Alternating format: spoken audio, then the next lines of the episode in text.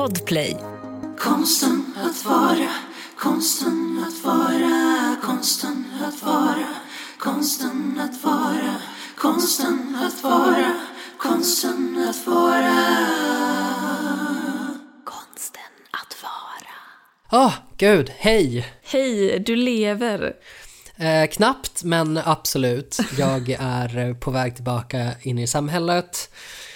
Eh, det går väldigt långsamt.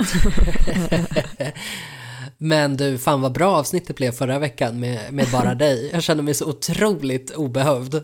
Nej men, nej men jag kände mig jättestel. Alltså jag trodde inte det skulle vara så stelt. Alltså min karriär har ändå gått ut på att jag sitter framför en kamera och pratar med mig själv, bokstavligt talat. Ja men det var det jag tänkte på när du sa det i början. Du bara, jag har aldrig gjort det här förr. Jag bara, alltså det är väl typ det här du har gjort mest. Nej men det slog mig att det är, det är verkligen, eh, det är, det går nog inom, under samma rubrik, men det är också någonting helt annat. För när jag filmar, då är det liksom, då kan jag sitta och larva mig och sen sitter jag och klipper bort ungefär 80% av allting jag har filmat.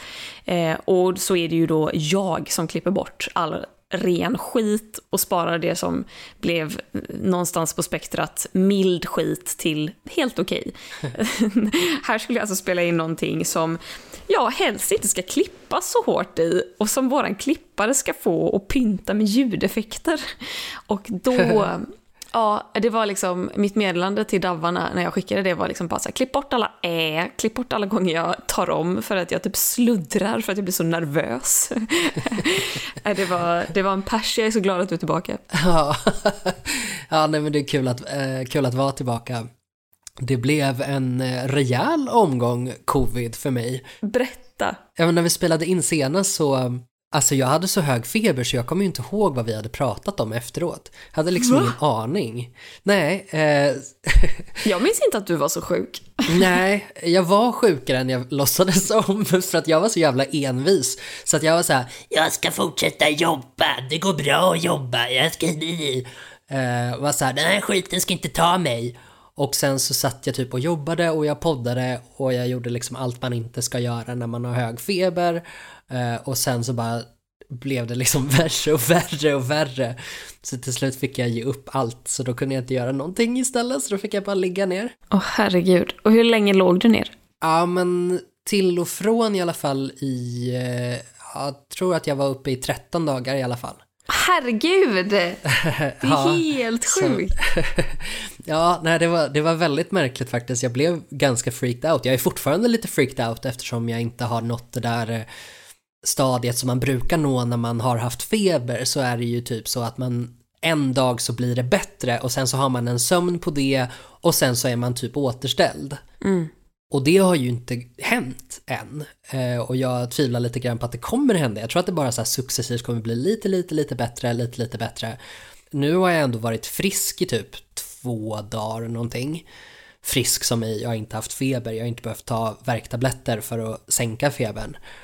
Eh, men jag är fortfarande skitseg och eh, trött och jag hostar en massa och jag liksom snorar en massa. Så att det är inte alls den där grejen när man bara snäpar tillbaka. Usch, det, alltså det, jag är så... Eh, ah, jag vet inte hur jag ska säga, för jag är ju inte rädd för att få corona och det har jag ju väl aldrig varit, men jag vill ju inte ha corona. Och att det är som att jag blir påmind om att det inte bara är att man får det och sen är det över, utan att det sätter sig på lungorna och man får svårt att röra på sig och man blir som... Vad var det du sa? Hur du beskrev det på något sätt när jag frågade om du orkade ses idag eller om du ville ta det på distans igen? Nej, jag, jag beskrev mig nog som en gammal PC. Ja, För att jag, så fort jag gör någonting, det första jag gjorde när jag hade legat och i alla de här dagarna när jag ändå skulle försöka aktivera mig lite grann igen var att diska. Och inte ens det gick för att min temperatur gick liksom upp så fort jag rörde på mig. Så att jag kände mig liksom, och det känner jag fortfarande, att, att jag liksom blir lite varm. Uh, jag typ tvättade idag. Och det är liksom så här, det är lite högre temperatur än det brukar vara och det är så himla bisarrt. Varför tvättar du när du har varit sjuk i en pandemisk sjukdom? För att jag har varit sjuk. Ja, nej men alltså det var så nasty Klara. Du kan inte Du förstå sambo. hur mycket jag har svettats. Ja, men stackarn. Alltså, eller stackarn, gud nu tar vi det lilla lugna här. Vi skojade i början av pandemin, jag och Albin, så har vi, vi har liksom skojat sen, sen det satte igång att så här, LOL, om du skulle få covid, alltså jag, så så skulle du bli jättesjuk och typ få alla symptom man kan få och bara haha Albin skulle inte få någonting alls. Tihi vad kul det här skulle vara. 100% det som hände. Albin blev snorig i tre dagar. Han fick liksom isolera sig ganska många dagar så att han blev ju galen av den anledningen att han bara så här jag mår ändå helt okej och jag måste bara vara under det här taket med dig som ligger och liksom svettas ner allt vi äger och har. Eh, men han, han kom ju jättelindrigt undan medan jag då fick typ varenda symptom man kan få. Jag har liksom haft ont i kroppen, jag har haft feber och frossa, jag har haft hosta, jag har ju 0% smak eller lukt. Fortfarande? Mm, fortfarande. Så att jag kan känna så här, ja men om jag äter halloumi så känner jag att det är någonting salt jag äter. Men jag känner ingen annan smak. Jag kan känna, vi har gjort lite så här potatis i ugn med vitlöksklyftor. Då känner jag bäskan från eh, när vitlöken är lite bränd. Så då känner jag bara det, ingen annan smak. Eh, och direkt när det hände så var jag så här bara jag har ingen smak, nu ska jag äta en typ vitlöksklyfta. Och Albin bara, du behöver verkligen inte göra det. Och jag bara, jo, jag ska visa att jag inte har någon smak. Och han bara, jag bryr mig inte. Eh, så det, det gjorde jag och, då, och det var så jag liksom förstod det så här, jaha, jag kan fortfarande känna att någonting är starkt. Alltså jag känner, för, tungan reagerar ju fortfarande på att helvete, det här är någonting du inte ska tugga på. Eh, men jag kände liksom inte någon smak av det. Fy fan, vad tråkigt. Eh, Men vad, vad glad jag är att du tog ditt eh, medborgerliga ansvar och sa till mig att du inte kände dig helt toppen där för några veckor sedan och att vi inte sågs då. För det var efter det som du fick covid. Ja, precis, exakt. Det var ju faktiskt väldigt bra gjort av mig. Men jag kände ju på mig att nu är det någonting som håller på att hända. Nu är det, det här är inte bra. Och det var covid. Men apropå då Gustav att du har eh, legat i en sjukdom som potentiellt hade kunnat döda dig så tänkte jag idag att vi skulle prata om nära döden-upplevelser. Mm, det är lite too soon, men absolut, vi kör. Jag tycker vi gör det som en hyllning till dig. Du har gått Som igenom... har överlevt. Du har överlevt, hip hooray. Jag vet inte om du någonsin såg ljuset eller någon död gammal släkting vinka till dig glatt. Eh, oavsett är jag glad att du är på den här sidan av universum och inte någon annanstans. Mm, tack så jättemycket. Det känns så himla härligt att vara hyllad på, på det här sättet. Jag fick ju faktiskt en, en närmast eh, nära döden upplevelseaktig hyllning på, i vår Facebookgrupp. eh, där alla önskade mig ett eh, uppvaknande ur sjukdomens mörker. Uppvaknande, som att du har legat i koma. Kanske du har i och för sig 13 dagar i en säng. Jag fick lite den feelingen av att alla så här, vi önskar dig all lycka till, typ. Jag bara, åh gud. Gud, du får aldrig hamna i koma. Fatta vad jag ska sitta här och läsa fucking Wikipedia-sidor varje vecka då. Så slumpa Ja, men jag fram kan, förbereda ett, jag kan förbereda ett litet ark åt dig med roliga också. ett dokument. Fan, vi borde göra det. Förbereda ett dokument för vad som händer om någon av oss hamnar i koma. Ja. Alla, alla OS som någonsin har varit ska vi läsa igenom vad som har hänt på. Precis. Konsten att vara. Hej! Halebop här. Vill du bli först med det senaste från Google?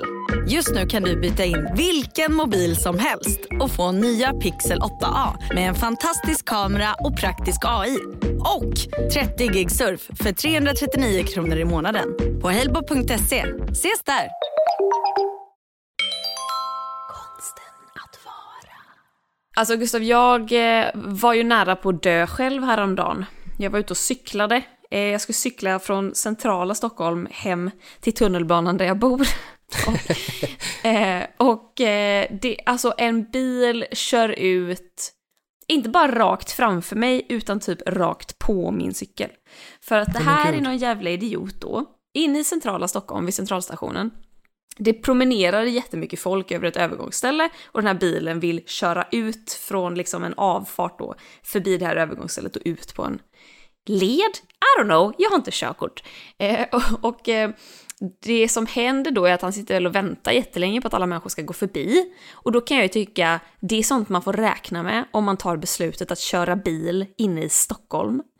Och eh, så ser han väl en lucka på typ 10 meter i folksamlingen. Men han ser ju också mig där jag kommer cyklande. Och rimligtvis går ju en cykel lite snabbare än vad människor promenerar. Men han bestämmer sig för att ta den här möjligheten och precis när jag då rullar ut framför bilen i kanske, vad cyklar jag i, 15 kilometer i timmen? Cyklar, cyklar jag så fort? jag vet inte. 10? 10, hur fort går det? Jag har ingen aning. Ja men då eh, gasar han.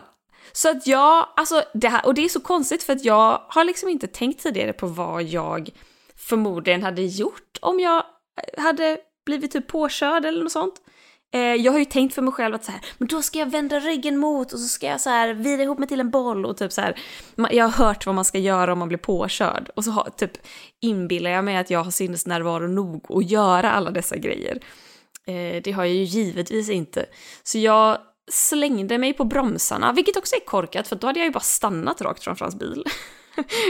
jag borde cyklat ännu snabbare istället. Nej, men jag slängde mig på bromsarna, svängde åt, alltså bort från hans bil och skrek högt ”Helvete!” eh, Det var många som tittade på mig, men den som inte tittade på mig var bilföraren själv, för han bromsade ju då, men han var ju typ alltså fem centimeter ifrån mitt ben. Och jag tror att han skämdes och inte ville titta på mig för han fattade väl själv att det där skulle aldrig gått. Men jag blev absolut livrädd. Och som en hyllning till det här fruktansvärda ögonblicket har jag letat upp lite stories på Reddit om andra människor som har varit nära döden. Har du själv för övrigt, eh, förutom då eh, att ha legat dödssjuk i corona, eh, någon upplevelse av att där kunde jag ha dött? Ja, det har jag faktiskt. Vi var ju med i en trafikolycka när jag var kanske 11-12 år någonting. Oj. Då vi körde, vi körde på huvudled på väg hem från en simtävling och jag höll precis på att sätta på mig Eh, säkerhetsbältet, jag satt i mitten i bak och så hörde jag min syster Emily skrika pappa bilen. Och sen körde en bil in i oss eh, från sidan. Eh, vi hade högerregeln på vår sida och vi körde också på huvudled så för oss då som, som absolut inte har körkort men ändå har lite koll på vad, vad körreglerna är för någonting så är det alltså två jättestora regler som den här bilisten ignorerade. Så han körde in i före, vad fan heter det, sidan av motorhuven på vår bil.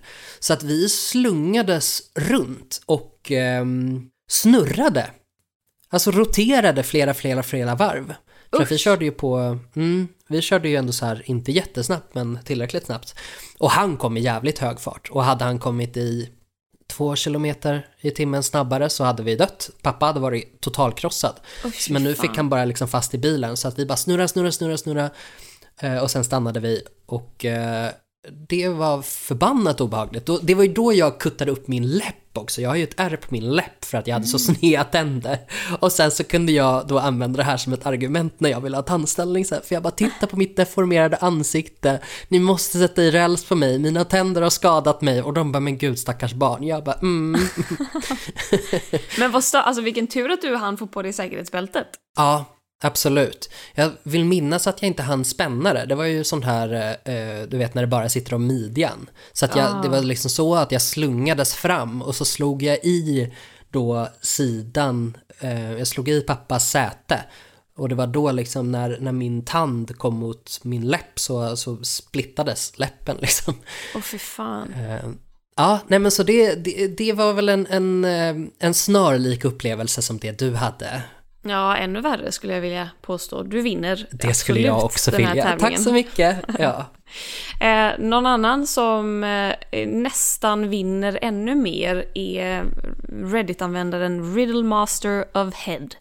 Eh, personen skriver, jag satt i ett regionaljet och det googlade jag för att ta reda på vad det var och det är som ett What litet... The fuck? Ja, det är ett litet flygplan. Det är mindre än 100 platser i ett sånt. Eh, som precis skulle lyfta från startbanan på LAX, alltså flygplatsen i Los Angeles. När ett Aeromexico 737-plan, och då googlade jag också vad det här är och jag har ingen jävla aning, det fanns ingen dedikerad Wikipedia-sida, men jag typ i mitt huvud gissar att det är ett jättestort plan då kanske. Eftersom han då skrivit ut att han satt i ett litet plan och sen kom det här planet. Ja, jag har ingen aning. I alla fall, ett Aeromexico 737-plan körde rätt över startbanan framför oss. Alltså precis när de skulle lyfta. Flygledartornet hade beordrat eh, Aeromexico-planet att stanna, men av någon anledning hade de alltså kört ändå. Och enligt en artikel i LA Times två dagar senare så var det the closest near miss, alltså det närmsta en olycka som man kan komma utan att det blir en olycka. Eh, alltså det fysiskt närmsta på 25 år på den här flygplatsen. För avståndet mellan de två planen var ungefär en halv meter.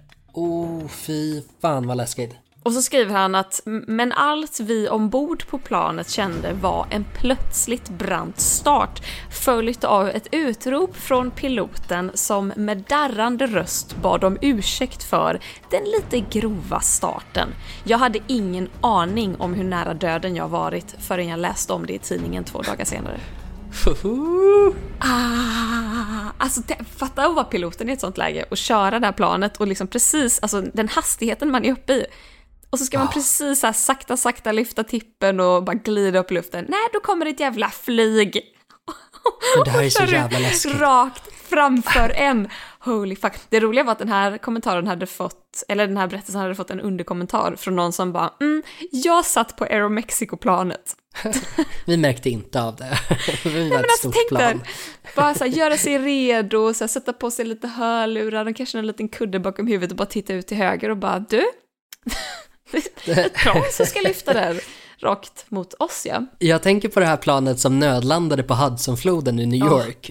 Efter att de hade kört in i en massa Kanada-gäss typ och piloten bara typ ropade ut någonting om att så här, nu kommer vi landa typ och det var det Åh, enda de visste om. Fan. En annan historia som är typ så min värsta mardröm, alltså har du åkt sån forsränning någon gång? Eh, ja, alltså när man sitter i typ en stock och så åker man ner för Ja men som plask, typ en, en, flod. Exakt, fast typ alltså legit en flotte och så är man typ åtta pers som har en paddelåra och så måste man så parera eh, strömmarna och vågorna och typ fucking stenar och skit.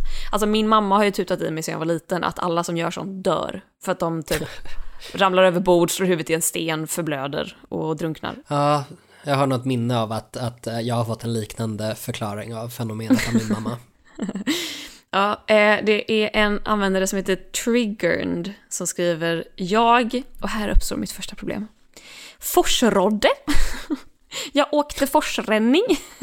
jag, whatever, du Fors, förstår vad jag menar. forsrände. Jag forsrände. Jag rände ner för forsen. Ja, exakt. I Colorado River när jag var 16. När båten åkte över ett vattenfall så tippade den över och landade upp och ner. Jag fastnade under flotten men lyckades hitta ett litet andningsrum mellan sätena. Men strömmen var stark, vågorna var helt vilda och vatten bara forsade in i munnen på mig. Jag kommer väldigt tydligt ihåg att jag tänkte, gode gud, låt det bara gå snabbt. Men så, eh, den här personen är lite så här hattig i hur han beskriver saker, eller hon, eh, eller hen. Eh, så så eh, den här personen bestämmer sig helt enkelt för att ta sig ut underifrån båten. För att nu lät det ju som att han var beredd att acceptera att han ska dö. Men nej, nej, det var han inte. Så han tar sig ut.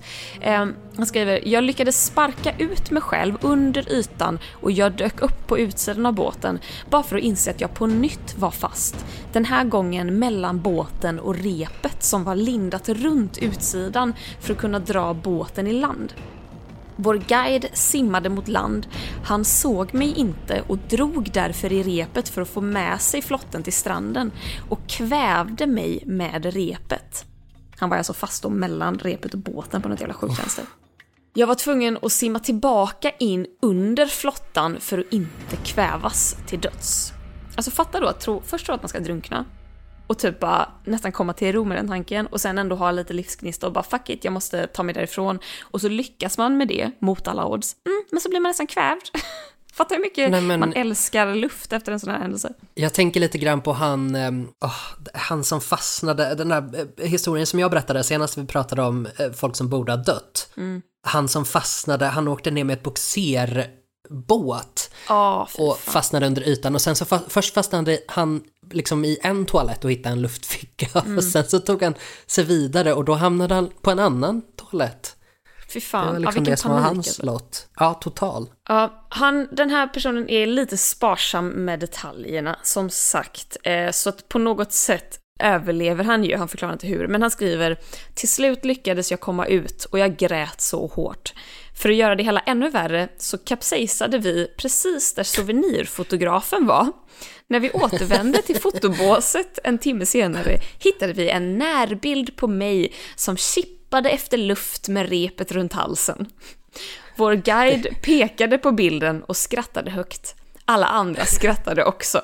Jag blev generad över något av det värsta som någonsin hänt mig. Alltså det är ju så förnedrande. Och det här tycker jag också är ganska talande eh, för hur, alltså är inte det lite så här typical forsränning jokes? Alltså det är så livsfarligt, min mamma har nog rätt i att det är så jävla livsfarligt att en sån här grej, det händer hela tiden och det skrattar vi åt. Alla andra Ja. bara too soon, guiden bara haha, jag har varit med om värre saker, skärp er. Konsten att vara. Konsten att vara. Nej men du, när du hamnade framför den här bilen då, upplevde du en sån här nära döden upplevelse att du fick, eh, du såg ett ljussken och det var en tunnel och jada jada etc. Nej, Var, jag gjorde var inte du så det. nära döden Klara? det lät Nej. verkligen så. Jag var, jag var jättenära döden tror jag. Eller mitt ben var i alla fall nära eh, döden. Eh, sen kanske, alltså det jag hade kunnat, jag hade kanske kunnat bli enbent. För att jag tror att han hade säkert kört in i mitt högerben. Men nej, men nej jag, såg, jag såg inga gamla släktingar eller ljus eller kände mig trygg och varm och så. Tvärtom, jag skrek helvete och jag kände mig förbannad. Ja men det är väl i och för sig förståeligt. Jag eh, vände mig till vår gamla vän Wikipedia och kollade upp vad en nära döden upplevelse egentligen är. Eh, Eh, och det är då ett tillstånd som ibland beskrivs av personer som varit nära att dö, som du, eller som varit kliniskt döda men sen återvänt till livet, som jag.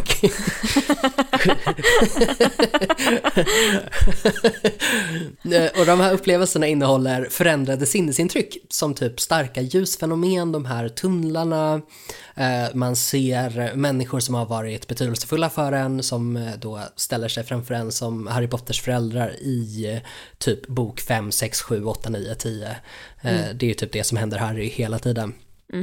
Eh, Och tidigare så har man ju trott att det här är någon slags bevis för att ett efterliv, alltså typ himlen, existerar. Eh, Men forskare nu för tiden tror ju snarare att det här har att göra med syrebrist i hjärnan. Och jag letade lite grann efter info för att se liksom hur länge det här fenomenet till exempel har funnits. Eh, Och surprise, surprise, det har funnits lika länge som vi människor har funnits. Det finns alltså nära döden-upplevelser, också kallade NDUer, för oss som sitter på lingot, vi som har varit med, säger NDUer som förkortning. Eh, och det har alltså rapporterats så långt baka i tiden som eh, typ Nya Testamentet, Oj. där Paulus, den gamla godingen, beskriver en NDU.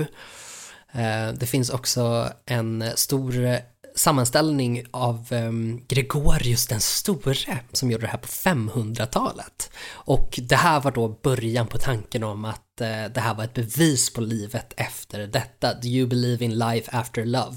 Yes, sa Gregorius den store. Det finns också beskrivningar av NDUer i grekiska, romerska, egyptiska och österländska myter och legender. Så att det finns ett ganska eh, stort uppbåd av sådana här.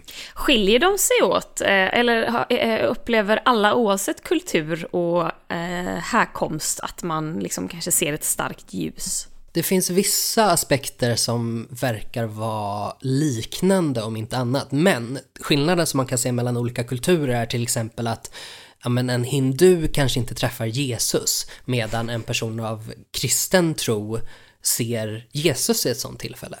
Så att sådana här symboler för ens tro eh, kan man springa på. Men det här med ljus och tunnlar och släktingar och sådär, det verkar vara ganska eh, genomgående för alla olika kulturer faktiskt. Jag har ju hittat en, en studie från det belgiska universitetet Liège, kanske det uttalas, eh, som har studerat vittnesmål Liège. Liège. De har studerat vittnesmål från personer som har haft NDU och då har de eh, liksom eh, konstaterat de här upplevelserna och rangordnat dem efter hur ofta man upplever dem. Och jag tänkte ju typ att så här, livet passerar revy. Det måste ju vara något av det vanligaste, för det hör man ju folk säga hela tiden. Nej, det är bara 16% av de här em, vittnesmålen eh, som har haft sånt. Däremot har 80% sagt att de har upplevt ett, eh, fri, eh, en frid och ett jättelugn. Och 69% upplevde ett väldigt starkt ljus. 64% upplevde möte med personer eller varelser och så vidare. Um, ungefär hälften beskrev en känsla av att befinna sig i en tunnel. Och jag tänker ju att det är då, alltså den här tunneln, att man går mot ljuset kanske det. 4% beskrev en förmåga att kunna se in i framtiden. Den verkar ju obehaglig och komplett onödig om du ändå ska dö. Om du inte ska dö, ska du sitta på den kunskapen för? Det är ju bara vi som kan se in i framtiden.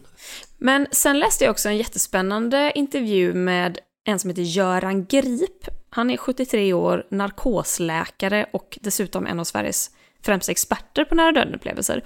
Och han pratade om det här med ja, men, eh, teorin om att det skulle vara syrebrist i hjärnan som du beskrev.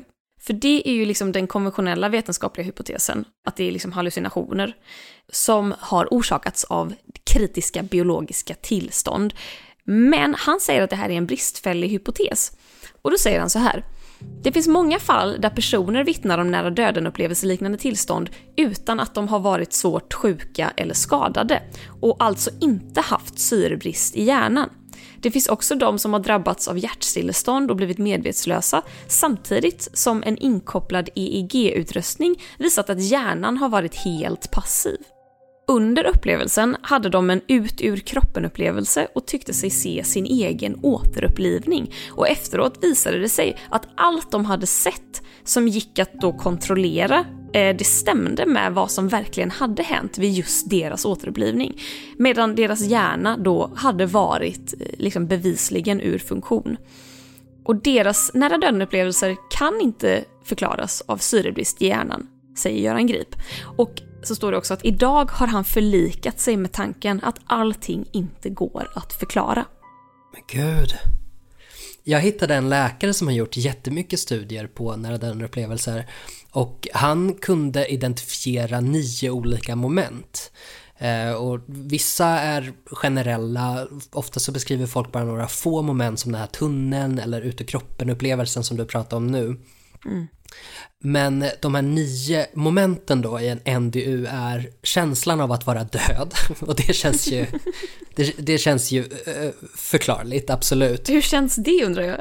Ja, men en kvinna från Chicago som hade drabbats av hjärtstillestånd sa så här att det var svårt att förklara det.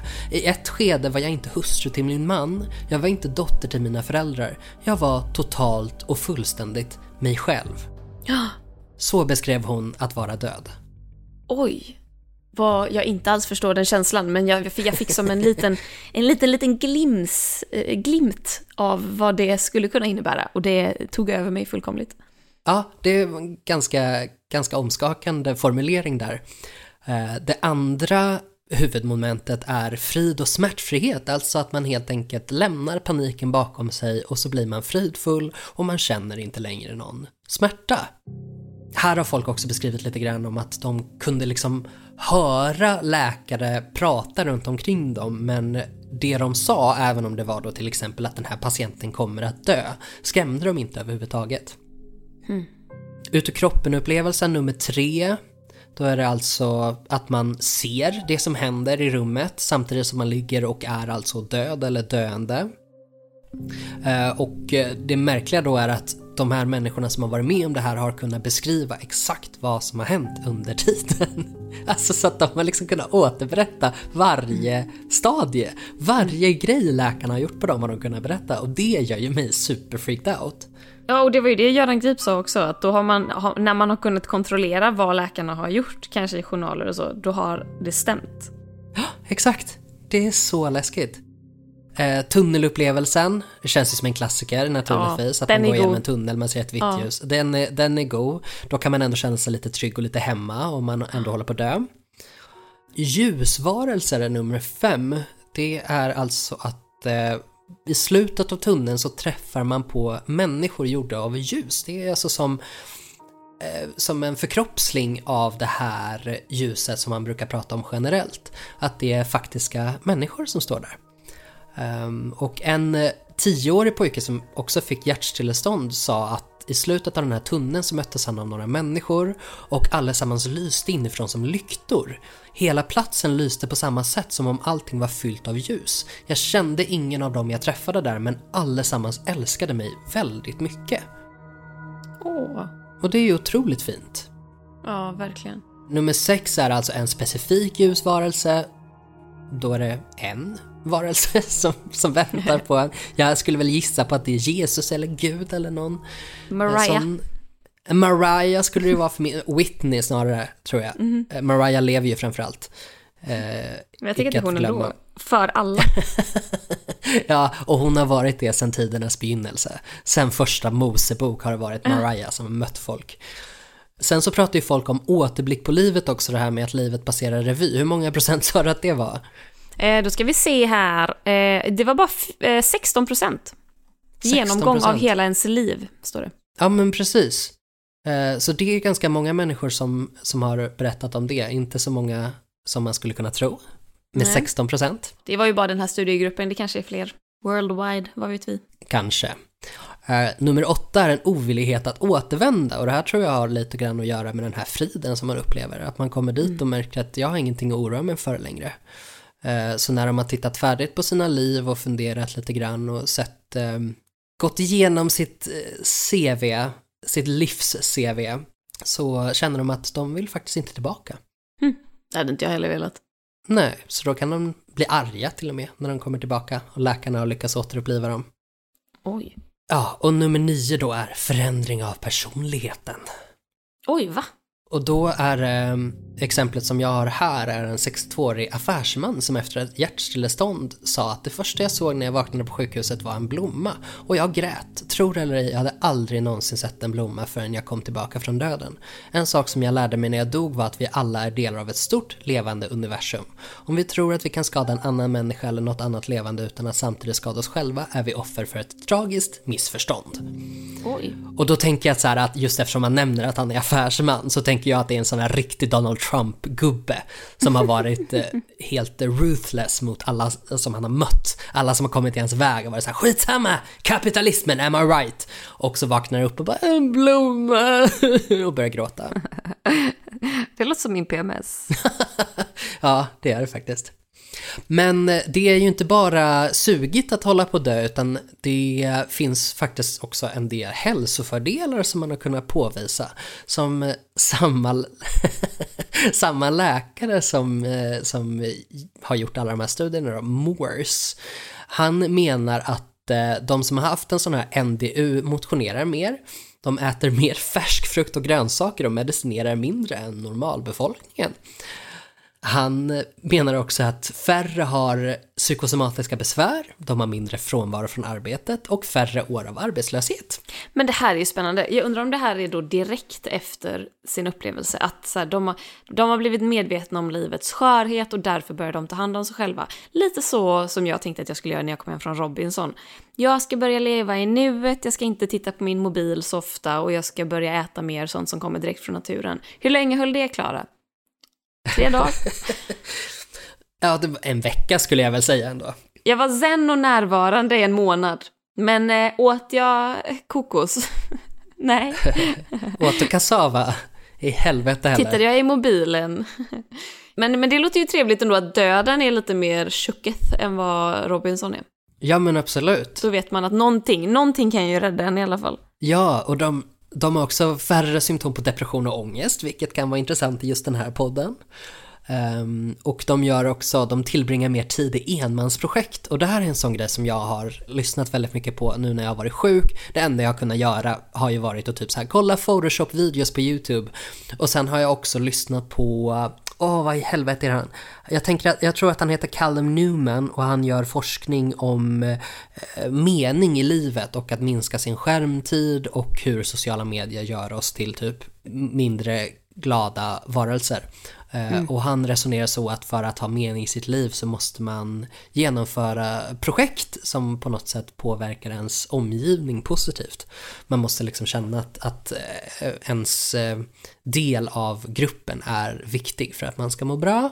Och det är väl en sån grej som man kan få för sig att göra då efter att man har hållit på att dö. Förmodligen. Allmän, allmän uppskattning av livet i alla fall. Så det är ju härligt, kul att man får ut någonting bra. Verkligen. Eh, som avrundning och kanske också som motvikt till det du precis berättade så vill jag bara läsa upp en, en sista Reddit-post från en användare som heter Sin Justitia. Den är, alltså det, nu är det fan lite triggervarning här. Jag vet inte, självmord är alltid jobbiga grejer. Och jag vet inte hur det är, alltså så här, med hängningar, jag vet inte om jag typ har upplevt att jag, att jag blivit hängd i ett tidigare liv. Men jag som inte är i närheten av att triggas av självmord överhuvudtaget tycker att det är så otroligt obehagligt att ens tänka på att typ någon skulle hänga sig eller att jag skulle hänga mig Mm. själv. Alltså, åh, det kryper i hela mig, det är något så gräsligt. Men en person beskrev hur hen försökte ta sitt liv för många år sedan och att eh, personen upplevde det som att det gick väldigt långsamt. Och hen skriver så här. Jag kände min puls i mina armar och ben och jag kände hur pulsen sakta försvann. Jag kommer ihåg det som jag börjat kalla det stora tomma i mina terapigrupper. Det är svårt att förklara, men min bästa beskrivning skulle vara att det är ett tomrum. Men det finns inget mörker, inget du, inget ingenting. Det är ett totalt ingenting alls, som inte ens kan beskrivas som tomhet, för det implicerar att det skulle kunna fyllas med något. Det är så svårt att förstå att något sånt här finns, för man kan knappt ta in det. Jag tror att min nära döden-upplevelse innebar att jag fick en tjuvkik på det stora tomma. Jag hade precis tillräckligt mycket liv kvar för att förstå att det fanns där och inte tillräckligt med död i mig för att fullkomligt uppslukas av det. Min granne såg mig genom fönstret och fick ner mig inom tio minuter. Jag var medvetslös i tre dagar och idag är jag helt återhämtad. Jag är färdig i terapi och jag har helt vänt mitt liv. Men rädslan för det stora tomma förföljer mig fortfarande. Jag vet att en vacker dag kommer jag att behöva stå öga mot öga med det igen och den gången kommer jag förlora. Oj, det var mörkt. Ja, that's deep. Men det är faktiskt That's någonting också jag har läst mycket på Reddit, alltså apropå nära döden, att det är så många som upplever en total tomhet. Alltså ett absolut ingenting. Men det är väl det den där känslan av att vara död. Att jag är, Ja. jag är liksom ingenting i relation till någon annan. Jag är bara jag. Alltså jag hoppas ju att jag kommer få skutta över blomstrande ängar till ljudet av barnkör. Nej vet du vad, inte barnkör för jag fucking hatar barnkör. Barnkör, den var random. nej, Ja, jag tänker nej. att, ehm, Vuxna körer. ja, en sassy hbtq-kör Ja, exakt. En manskör. som sjunger Born This Way. Det är ju vad jag hoppas på. Men å andra sidan, om det blir ett ingenting så kommer jag förmodligen inte ens ha medvetande nog att förstå att det är ingenting. Så när jag dör, alltså döden come at me. Vi löser det. Konsten att vara. Har du ett moment of the week? Jag har ett moment of the week och eh, jag eh, måste ju erkänna att det bästa som har hänt mig de senaste veckorna var när jag häromdagen gick utanför min lägenhet och satte mig ute på en parkbänk och drack lite kaffe. Märk väl att jag inte kände någon smak av kaffet eller någon doft från häggen, men skitsamma, jag var utomhus för första gången på två veckor och det var så otroligt härligt och det har ju blivit sommar. Det hade jag aldrig kunnat tro när jag, när jag insjuknade. För jag, liksom, jag tittade inte ut utanför fönstret på två veckor för att jag hade fullt upp med att titta upp i taket och tycka synd om mig själv. Så kom jag ut och bara, men Jesus fucking Christ, det är grönt. Ja, och varmt. Och varmt är det, och det hade jag ju varit ändå. Haft jättemycket feber, så att det, är liksom, det har varit sommarvärme inomhus ändå. Men det är ju mitt, mitt moment faktiskt, att bara sätta sig ute. Sen blev jag svintrött av det och fick typ gå in och lägga mig. och bara, nu blev jag varm. Men det, det är mitt moment of the week. Det låter skönt ändå. Mm, ja men det är härligt, kul att vara på väg tillbaka. Har du något moment? Ja, Eh, jag mår ganska dåligt just nu. Eh, jag är väldigt ledsen varje dag. Eh, Jag vet, ja jo jag vet väl varför, men det är ju så många anledningar. Det är bara livet i stort som känns för övermäktigt. Och eh, jag tror att det kulminerade lite idag när jag, så här, men jag har ändå vaknat så här, på helt okej humör idag. Alltså så här, det, det är inte bra men det är inte heller värdelöst liksom. Och så har jag glidit omkring hemma och jag har bara haft ett möte idag så att satt i det i någon timme, sen gick jag ut och sprang en kortis och sen så var jag och handla och så kom jag hem och så bara landade jag vid mitt köksbord, tog upp mobilen. Det är ju Eurovision eh, den här veckan när vi filmade. Och så fick jag upp ett klipp på Twitter när massa, eh, alltså massa av de som tävlar i år mimade till Måns Zelmerlöw och Petra Mede när de gjorde sitt Love Love Peace Peace-nummer 2016 på Eurovision i Stockholm. Eh, och det var, det var det, de stod framför en green screen och mimade till den i tur och ordning medan klippet, originalklippet rullade i bakgrunden. Och när det klippet var färdigt så bara började jag gråta. Jag vet inte varför. Ja, det var liksom inte speciellt fint eller häftigt eller... Det är ett klipp jag har sett många gånger. Eh, och så nu var det bara att det var Eurovision-artister eh, on top of that. Och jag bara började böla. Och jag, alltså jag vet inte varför. Jag känner bara, det, det går ut för nu. Ja, usch. Ja. Så att, eh, det är nog mitt moment of the week. Då kände jag mig jävligt svag, ska jag vara ärlig och säga. Ja, nej men det, det blir det ju alltid faktiskt. På något jävla vänster. Så är det. Konsten att vara. Innan vi lägger på luren så ska vi tacka våra Patreons. Ja. Och eh, då menar jag naturligtvis framför allt våra kavgudar, även om vi är jättetacksamma för de som ger mindre pengar än så. Men det är kavgudarna som vi har lovat dyrt och heligt att eh, ge en shout-out. Så eh, här kommer den. Då tackar vi Linnea Sivert, Humlan, Elinor Johansson, Sara Perjons, Stephanie Stettina, Knut, Hedda Lindström, Lolo Fät, Joakim Gustafsson och Isabelle. Folkets jubel. Puss på er. Helt fantastiskt. Ni gör ju så att vi kan fortsätta podda på det här sättet och det är riktigt jävla dejligt. Det är jävligt trevligt faktiskt. Tack ska ni ha. Tack till er som också ger kanske en dollar per avsnitt. Ni är också viktiga för oss. Eh, tack Davva som klipper. Du är ett stycke geni. Ja, ett stort jävla stycke geni. Många hekto geni. Tack till dig Klara. Tack för den här veckan. Vi hörs igen nästa. Det är samma Gustav. Bra att du överlevde. Ja, så glad för det. Hörs om en vecka. Ha det så bra. Det gör vi. Puss hej. Hej då! Konsten att vara, konsten att vara, konsten att vara, konsten att vara, konsten att vara, konsten att vara.